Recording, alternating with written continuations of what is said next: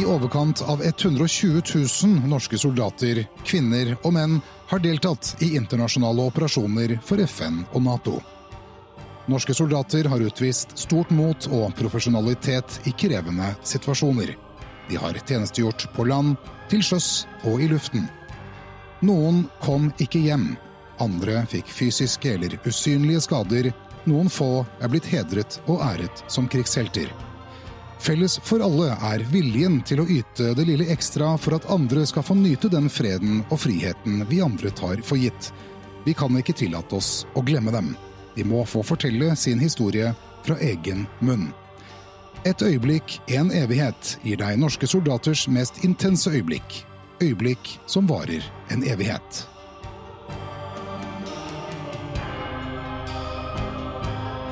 Og, og, når vi liksom gjør oss klar til å finne frem bajonetter eller ta frem og gå ut og begynne å prodde, så kommer det da en liten trabant fisende ut fra venstre og på den veien vi er, og, og kjører seg bare følg den bilen.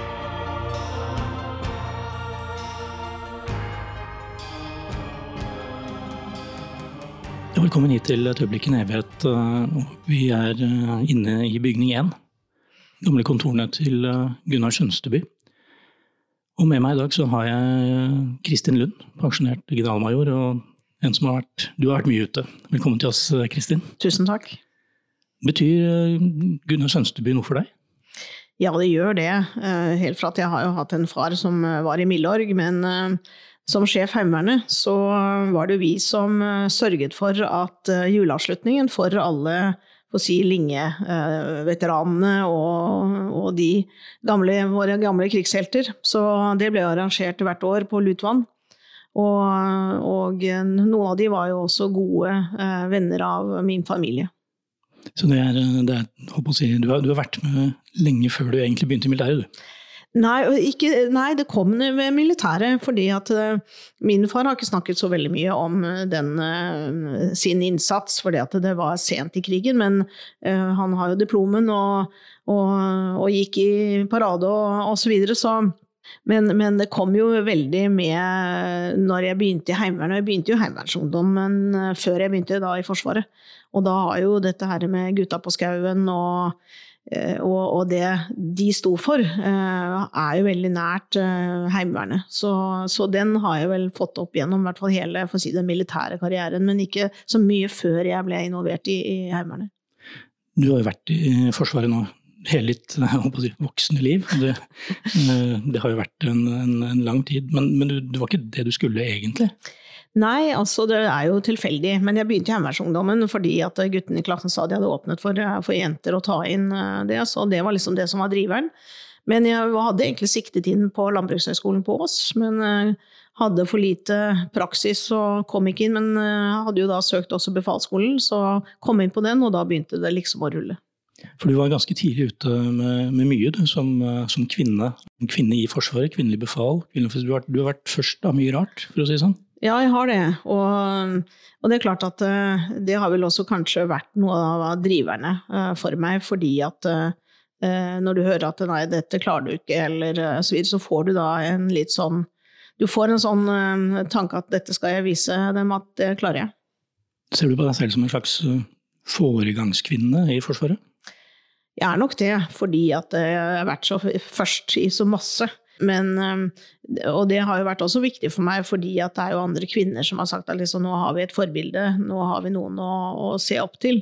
Eh, jeg hadde jo bare si, menn å se opp til, og det er jo når du blir eldre og ser på lederskapet, så ser du at mm, det var kanskje ikke den type lederskap jeg ville hatt. Og, du, og, det tror jeg også har gjort at man har lært veldig mye, for du har sett på godt og dårlig lederskap. Men jeg tenker, du har jo hatt uh, Du begynner å ramse opp alle misjonene du nesten har vært i. det, det, Jeg tror ikke jeg rekker alle, men uh, du startet jo i Libanon, og du har vært etterpå det i Gulfen, både én og to, holdt jeg på å si, med Kuwait og overalt. Umprofor, Bosnia. Også ikke bare FN-tjeneste heller, men også Nato-misjoner i, mm. i, Afghanistan og også på Balkan uh, videre. Og ender da opp som sjef på Kypros og etter hvert i UNTSO, før du nå ikke har sluttet med fredsarbeid, egentlig, men fortsetter i det sivile. Du klarer ikke helt å pensjonere deg. Men hvilken misjon uh, var mest si, kaotisk for deg? Hvilken var mest intens? Altså Den som satte mest spor, var jo helt klart for Balkan i 92-93. Si, de første 15 månedene som jeg var der. Det, det har formet meg som leder, eh, på godt og vondt, fordi at eh, når du kommer tidlig inn i en operasjon, er kontingent 1, så er det jo ikke noe som er lagt til rette. Så du, der må du stole veldig mye på dine egne vurderinger og, og avgjørelser. Um, og det Uh, og, og, veldig ofte når du er ute, så har du ikke den Du kan ikke feile, for da kan også folk bli drept. Eller at det kan gå skikkelig gærent.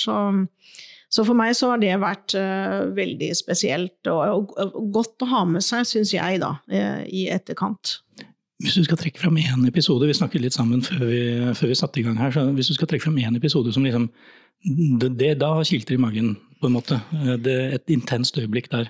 Ja, altså eh, Det er veldig mange eh, episoder, men én er jo det når du blir, for å si, eh, tatt eller hijacked mot din vilje. Vi var fire stykker som skulle fra Sarajevo til Montenegro for å se, eller bar, i Montenegro for å ta imot da den argentinske og jeg tror også den jordanske materiellet skulle komme inn den veien. Og det er klart det at når du da blir eh, tatt inn i en av disse områdene som er eh, out of bounds, og du får liksom en rifle Først så kjører du gjennom masse minefelt, eh, og møter også paramilitære da som ikke har sett FN før, og vi ikke hadde samband tilbake til vårt hovedkvarter. Så, så, er det klart at vi da ble tatt inn, eller de pressa inn i bilen. altså vi måtte bare, var liksom, De var så mange, så det var ikke noe vits i å gjøre noe motstand.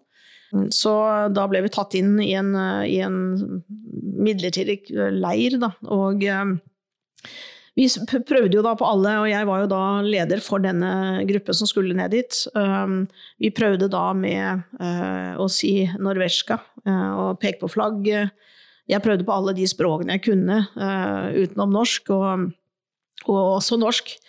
Og så, og så liksom spurte jeg hvor er kommandant, boss. Eh, du prøvde der også alle, da. Eh, og de bare Så etter eh, noen timer så kommer det en da som er sånn typisk som du tenker på sånn Tito-partisaner, egentlig, med skjegg og litt sånn skjerf og, og en beret som ikke satt som mer alpelueopplegg. Så da Og så sa jeg 'Norveska', sa jeg. 'Å, oh, Norge', sa han da. Og da viser det at han var da sjømann egentlig da, som hadde da seilt på Norge, eller på, jeg tror det var Larvik. Han vært inne der, så enden på visen var etter en stund, da, så fikk vi da komme oss ut. Eh, for vi fortalte hvor vi skulle, og vi sa også da klart at vi kommer tilbake om en uke. Men da sendte de oss bare ut, og vi visste jo at minefaren var stor. Så, så det husker jeg liksom vi sa til eh, disse her nå. Vi, vi, må bare komme oss ut av den campen, men vi må da sjekke, for det var jo da eh, ikke asfaltert. Og, og, når vi liksom gjør oss klar til å finne frem bajonetter eller ta frem og gå ut og begynne å prodde, for det var det som var eh, da, så kommer det da en liten trabant fisende ut fra venstre og på den veien vi er, og, og kjører seg et bare følg den, veien, nei, følg den bilen. Så fulgte vi den, da, og så kom vi da til asfalt, og så klarte vi å finne oss tilbake. Men det var veldig rar sånn der, um, følelse, fordi at liksom du blir tatt mot av en egentlig en lege i hvit legefrakk med, med da um, ammunisjonsbåndene uh, på kryss over, og, og står da med liksom What are you going to do? Ikke sant? Og det, var er helt sånn uh, uri, altså, uvirkelig hver dag. Vi kom oss da ned til, til bar, og det vi fikk vite etterkant når vi kom tilbake, så var det jo da ingen der. Og det var jo at det hadde vært et skikkelig slag, og det var også White Eagles, som var også en gruppering under Arkan, som var også utrolig nervøse for det at det skulle da skje et angrep rett i den tiden som vi kom.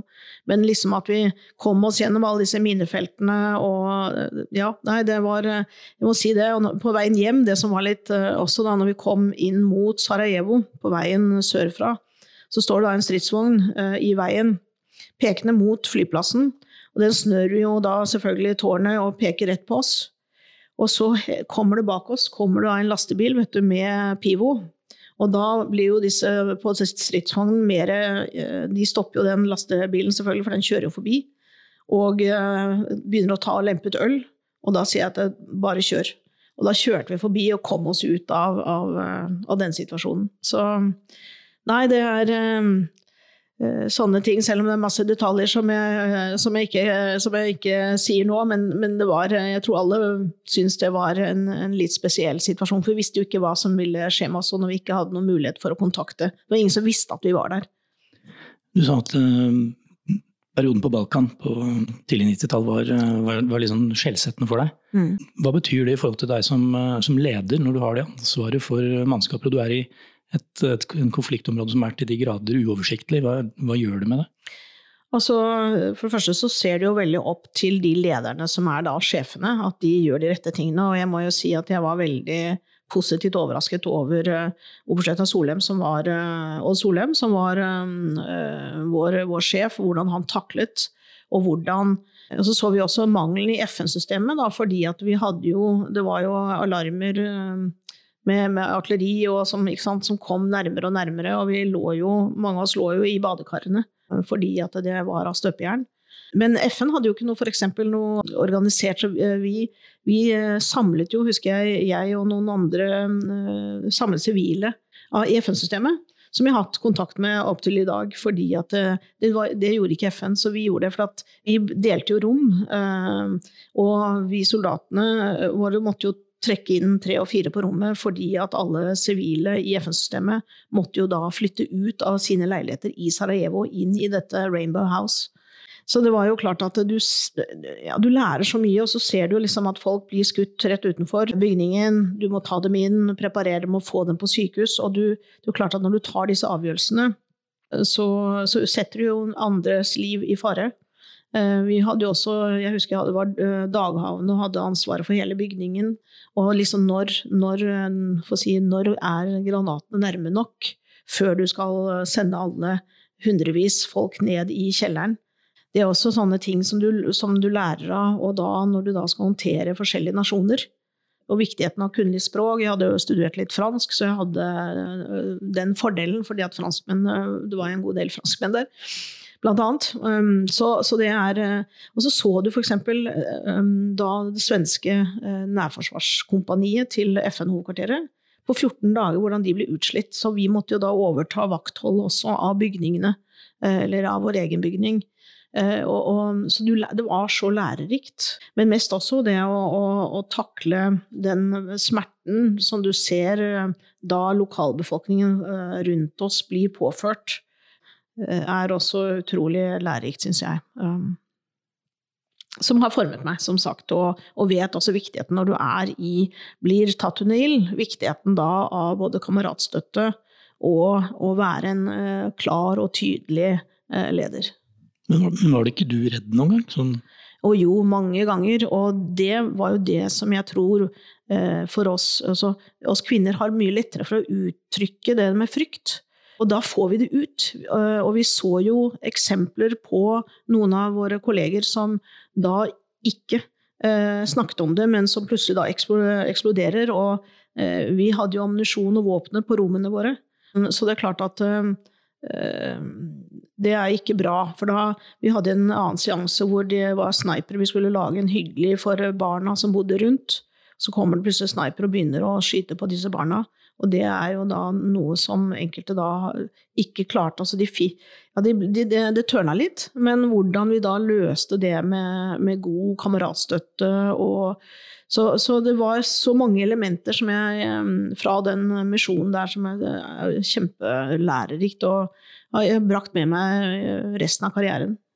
Du har også vært i, i Libanon, som sagt, eh, Unifil, og også i, i Gulfen. Mm. Uh, Gulf 1 og Gulf 2. Har alle disse misjonene du har vært i, når, når, du skal se tilbake på det, har de virka, det vi har gjort? Har, noe, har vi gjort noen forskjell der ute, vi norske? Jeg syns jo det, fordi at når du vet hvis du klarer å, å, å, berge et liv, eller du klarer å gjøre hverdagen bedre for de menneskene der du er, så mener jeg at man har klart å gjort en misjon. Hvis man tenker sånn Afghanistan og ja, sikkerhetssituasjonen er ikke noe bedre, men jeg vet jo det nå for kvinner f.eks. Og det er sånn etter hvert som jeg er blitt mye mer bevisst eh, på dette med å jobbe for likestilling og si gender da, i, i, operasjoner, så er det klart at da ser man jo at, at kvinnene i Afghanistan har jo fått det mye bedre enn det det var når vi kom inn i 2003. Så, så, så det er jo noe, selv om sikkerhetssituasjonen ikke er som den skal. Men jeg føler i hvert fall at i alle dimensjonene jeg har vært, så har jeg klart å prøve, gjort en forskjell. Og uh, har kommet hjem med en, en, en, god følelse. Hva betyr det å være veteran, altså det begrepet veteran? Du har vært veteraninspektør. Altså, hva, hva legger du i det å være veteran? Altså, veteran er jo liksom et omdiskutert ord, da, fordi vi hørte jo det når, når, jeg var eh, i 1980 og kom, 81 eh, og kom fra brigaden, så var jeg brigadeveteran. Så eh, for meg så har vel det veteranbegrepet egentlig vært en som har erfart noe. Uh, og, og, det er jo mange som Noen av oss erfarer både hjemme og ute, og noen erfarer bare hjemme. Men vi er jo allikevel veteraner i den forstand uh, av at vi har vært i et system som, og, og at vi har eh, Men det har ikke vært tid og sted for noen som har bare vært hjemme og ikke måtte ha skarpe oppdrag, for det kunne jo vært skarpe oppdrag hjemme også. Så, så jeg syns jo liksom at eh, for meg så er det veteranordet For meg så er, det, spenner det veldig vidt. Eh, men jeg har jo hatt perioder hvor jeg syns at eh, du skulle ikke kalles veteran hvis du ikke hadde vært i, i internasjonal tjeneste. Men der er jeg vel blitt litt eh, rundere, tenker jeg. Du har alltid hatt fokus på, på, dette med kvinner, og, eller om du har alltid hatt det, du er i hvert fall det nå, og du var den første kvinnelige Force Commander. Mm. Merket du noe negativt rundt det? At du, liksom, nå, kommer, nå kommer damene inn? Nei, ikke, ikke, det. Jeg har egentlig bare hatt positive eh, Når jeg ble utnevnt som forskermann, så var det bare positivt. Men du kan si at eh, forventningene var enormt uh, da. Uh, og de var jo ganske uh, Ikke redde, men altså veldig sånn på tuppa litt sånn i, i, i, hovedkvarteret i New York. Um, fordi at liksom Det er første gang, og så videre. Så det, det følte jeg vel lite grann. Men også det at man matchet veldig godt med de menneskene som var i misjonen og sånn, det har liksom alfa og mega. Og så hadde jeg liksom, tror jeg, dette her når du kommer i en sånn i en posisjon i FN, dette her med sivilt-militært samarbeid, jeg har jo hatt mye erfaring med det. Eh, og det har hjulpet meg veldig, og det hjalp meg f.eks. mye i eh, erfaringene da fra Afghanistan, hvor, hvor, vi jobbet så intenst også med FN. og så det å bare tenke på liksom at du er bare et instrument, et, et verktøy i den verktøyboksen, det militære, og er i utgangspunktet det verktøyet du bør bruke sist, hvis alle andre eh, muligheter er oppbrukt. Og liksom å ha den holdningen har jo hjulpet meg veldig, og fått forståelse og det sivile. Og liksom den første, uh, første, jeg gikk inn når jeg liksom hadde tatt over, var liksom logistikksjefen, den sivile.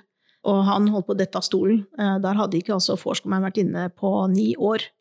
Så det sier jo litt om oss også, som yrkesgruppe at vi er ikke alltid like flinke til å gå utenfor vår komfortsone, og det har jeg prøvd å gjøre noe med, da. Du er jo en internasjonal orientert person. Er det noe du har tenkt å fortsette å være, i den forstand at nå er du jo pensjonert fra Forsvaret, men, men du, du, virker jo på bakgrunn av de erfaringene du har derfra? Absolutt, og, og, nå jobber jeg som practitioner in residence, som det heter i PRIO, som er Peace Research Institute Oslo, eller Fredsforskningssenteret. Som, som har, um, har, gitt meg jobb der, og det er fantastisk. Og jeg blir også brukt en del av, av UD, også at jeg er aktiv i Nordic Women Mediators. Det er klart det at det er så mye erfaring, og det er viktig å dele den erfaringen, syns jeg, da. Og så ser man jo det også at vi som Norge vi er jo helt avhengig av andre hvis det skulle skje noe her hjemme. Så det vi gjør ved å sende meg eller andre ut, som er, er, jo at vi kjøper sikkerhet for i det håpet at andre skal da uh, bidra hjem. Og derfor er det jo så viktig, uh, syns jeg, at man, man, er orientert utad.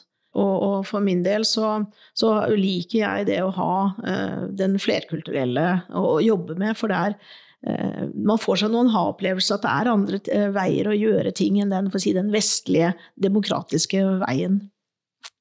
Det høres jo veldig spennende ut. Jeg har lyst til å, lyst til å ta deg tilbake til en annen misjon. En annen nesten litt sånn glemt misjon, og det er jo Gulfen. Mm. Vi, eh, vi, var utsatt for utsatt for. Saddam Hussein på tidlig 90-tall. Ja. Hvordan var det å, å, å være offiser i den, den, sammenhengen? Det var også litt spesielt, for jeg var jo da Vi hadde jo beredskapsstyrker i Norge. og det var jo liksom hovedstammen av den beredskapsstyrken som ble bedt om å dra til, til Gulfen. Sånn at, eh, og den var da eh, faktisk hadde vi 16 kvinner uh, ute. Uh, det var jo selvfølgelig fordi det var mye sykepleiere, leger og, og type helsepersonell.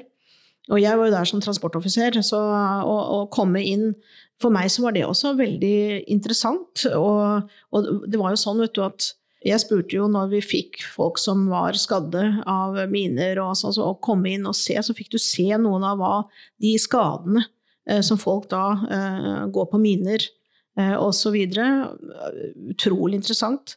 Men det var jo det som var kanskje spesielt med, med den, var jo først at du var i Saudi-Arabia, og jeg var transportoffiser og måtte kjøre, og i utgangspunktet var jo ikke det lov for kvinner i det landet.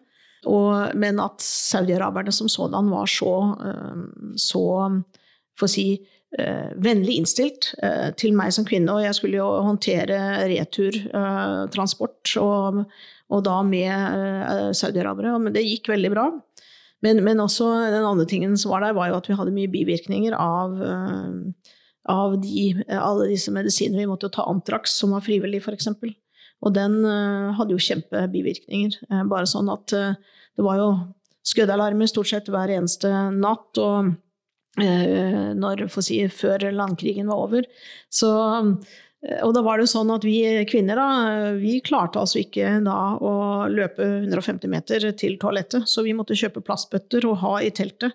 Fordi at vi tok jo sånne nervegasstabletter hver åttende time i flere måneder. Så, så det hadde den, eh, den, virkningen at eh, de musklene rundt urinblæren sto da og dirret.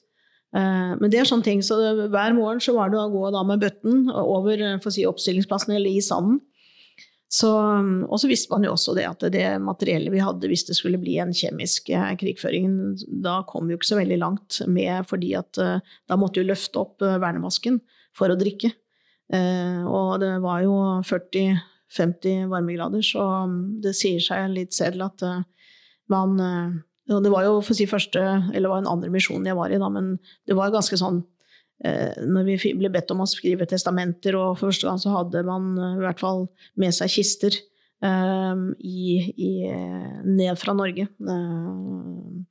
for å ta eventuelt døde. Og vi var jo det eneste sykehuset som skulle flytte med fronten fordi at vi var mobilt. Så nei, jeg syns det det var eh, utrolig lærerikt også, det. Eh. Føler du at, eh, sånn som vi ser på sikkerhetspolitikken i dag, at FN Du sier hele tiden du tror på FN, men, mm. men ser du også at FN har mer å leve opp til? Absolutt. Altså, men FN er Så langt så har vi ikke noe annet verktøy. Så inntil det kommer et annet verktøy, som, så, så jeg, tror jeg på FN. Og det er veldig mye fantastiske, flotte mennesker som jobber i det systemet. Eh, men som alle andre store organisasjoner så har du også eh, daukjøtt eh, og ting som gjør at man ikke får Altså folk ønsker å gjøre en endring, og så er det folk som sitter og ikke vil. Det er jo sånn ikke sant, hvis ikke, i en organisasjon hvis ikke det kommer ikke sant, at du har med hele organisasjonen, så klarer du også ikke å endre. Og det er jo klart at det er, eh, det er, veldig synd, fordi jeg mener at eh, FN kan komme mye lenger enkelte, eh, på enkelte områder. Men det gjøres utrolig mye bra. Så jeg har fortsatt tro, etter å ha vært der nå i UNED-systemet i over fire år, to år på Kypros og to år i Midtøsten, så har jeg på det nivået jeg er, så har jeg fortsatt tro. For du, det de gjør, som jeg syns også er veldig bra, når du er sjef, så er du sjef. Det vil si at du er ikke du, Selv om du skriver rapporter og sånn og sender ukentlig, så er det jo likevel du som tar avgjørelsene der og da. Eh, det, sånn er det ikke hjemme. Da har du en, en kjede. Mens der er du Der må du ta en avgjørelse, og du må stå for det. Hvis vi skal se tilbake på ditt eh, militære virke, hva er den ene tingen, det ene minnet du vil dra med deg videre nå inn i, eh, inn i den sivile virkeligheten? Jeg tror uh, også det som kanskje var uh, toppen på min sånn, si, hjemme, da, det var nok å være sjef for Heimevernet. Fordi at det var liksom ringen sluttet. Jeg begynte som heimevernsungdom og, og, og, og, endte da som sjef for den organisasjonen. Og jeg må jo si at det er det jeg tror på. Jeg tror at Heimevernet er liksom også den som vil være førsteresponder i veldig mange ting i landet, fordi at de er fortsatt uh, overalt. Så uh, Og den, der, den, den samvirket med, med militært-sivilt, det er det som er alfa og omega. Det er dette her at hvis du ikke Uh, har det derre uh, som du ser så veldig godt ute i, rundt omkring i Norge Du ser det ikke så godt i de store byene på langt nær, men du ser det ute. Eh, og, det er det som jeg syns er så betryggende, og du lærer jo så mye fordi at du har soldater som har for si livserfaring. Og, og jeg tror det, det er sånne ting som Jeg vet jo hvor enn eh, man er i Norge, så vil man også få eh, Kan du komme i kontakt med heimevernsmennesker, og de, de, er alltid der. Og de er, nei, jeg syns det har vært Og den kunnskapen, lokalkunnskapen som finnes. Så hvis det er et sted man, eh, som sagt, hvis jeg ønsker å dra et sted som du ikke finner så mye i um, turisthåndboken, så er det altså da å ta kontakt med det heimevernsdistriktet og den områdesjefen, så har du tilgang til vanvittig historie. Altså, som sagt så er jo du litt sånn foregangskvinne og jeg vet at du brenner litt for, for å få flere kvinner, eller få flere engasjerte kvinner inn i Forsvaret. Mm. Hvorfor det?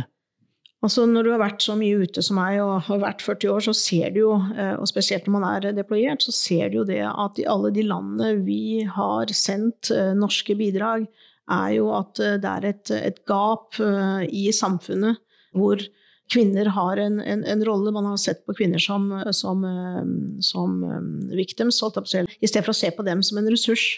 Og jeg ser jo liksom viktigheten å ha kvinner ute i de bidragene. Vi får altså ikke løst disse bidragene ute hvis du ikke klarer å nå 100% av befolkningen, av de som vi prøver å skal eh, altså få til en, en fred på over, over tid. Og det har jo nå også forskningen begynt å komme inn og, og forteller det at når kvinner er med i prosessene, eh, ute i fredsprosesser, så er uh, muligheten for en lengre fred før eventuelt det bryter ut, eller en, en, permanent, er mye større ved å involvere kvinner. Og det er klart at uh, som vi gjorde i Afghanistan, når vi liksom i starten bare henvendte oss til 50% av befolkningen, og visste at den andre 50% var de som lærte opp neste generasjon, da mener jeg at vi bommer hvis man ikke tenker helhet og, og så videre. Så det, for meg så har det vært utrolig viktig. Hvis du tenker på de soldatene vi sender ut, de som er kvinner der også. Vi har en tendens til å tenke at det, er en, det, er en, stor risiko å reise ut. Hvordan, hvordan tror du kvinner generelt, da, hvis vi skal uh, kjønnsdifferensiere, takler det å være ute? Jeg tror de fleste takler det veldig bra, fordi det er veldig ofte sånn at kvinner har en tendens til å liksom ha organisert familien og organisert tankene sine, og de vet at de kan den jobben 100 Der uh, har vi en del å lære litt av mennene med å kaste seg litt ut i, i jobber som man ikke nødvendigvis kan 100% men man kan 50-60 Så jeg ønsker at kvinner skulle ta enda mer utfordrende stillinger ute og for så vidt hjemme, for den saks skyld, fordi at vi, vi trenger det. Eh, og, og, spesielt i Norge kan du jo se at vi skal jo, Forsvaret skal eh, reflektere samfunnet vårt. Og nå ser vi jo at vi, vi er jo 50-50, du ser på politisk osv., så, så så er det jo like mye kvinner som, som, som menn, stort sett. Så, det, så, jeg tror liksom at, og det bør vi gjenspeile, for det er noe av det viktige Norge bringer med seg ut, er jo det type demokrati som vi står for. Det er ikke for ingenting at vi er så høyt oppe når det gjelder altså på denne gender gap-listen som lages av Devos økonomiske forum, og, og, og, at Norge er en av de beste landene å leve i. Eh, og det er jo en grunn fordi at, eller det er jo grunnen er jo fordi at vi er såpass likestilte, tror jeg, da. Og så er det jo noe med at uh, vi har jo hatt kvinner ute i misjoner nå i mange tiår.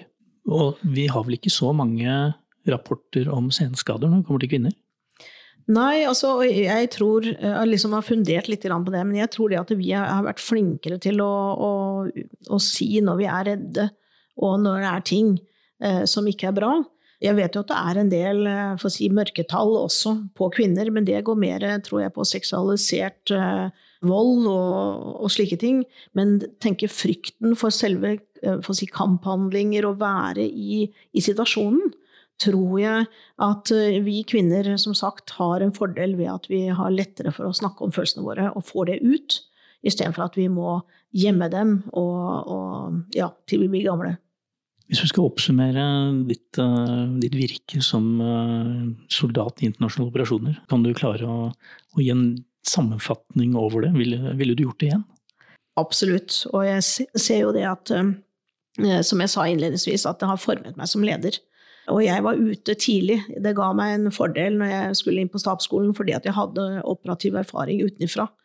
Det ga meg når jeg var på skoler senere i Forsvarets regi. Så, så jeg må jo si at um, som menneske så har jeg vokst på å være så mye internasjonalt. Og blitt en bedre leder og representant for Forsvaret. Dette er en av mange unike historier om selvoppofrelse og mot fra våre soldater. Her lar vi soldatene selv fortelle om de intense øyeblikkene, akkurat slik de opplevde det.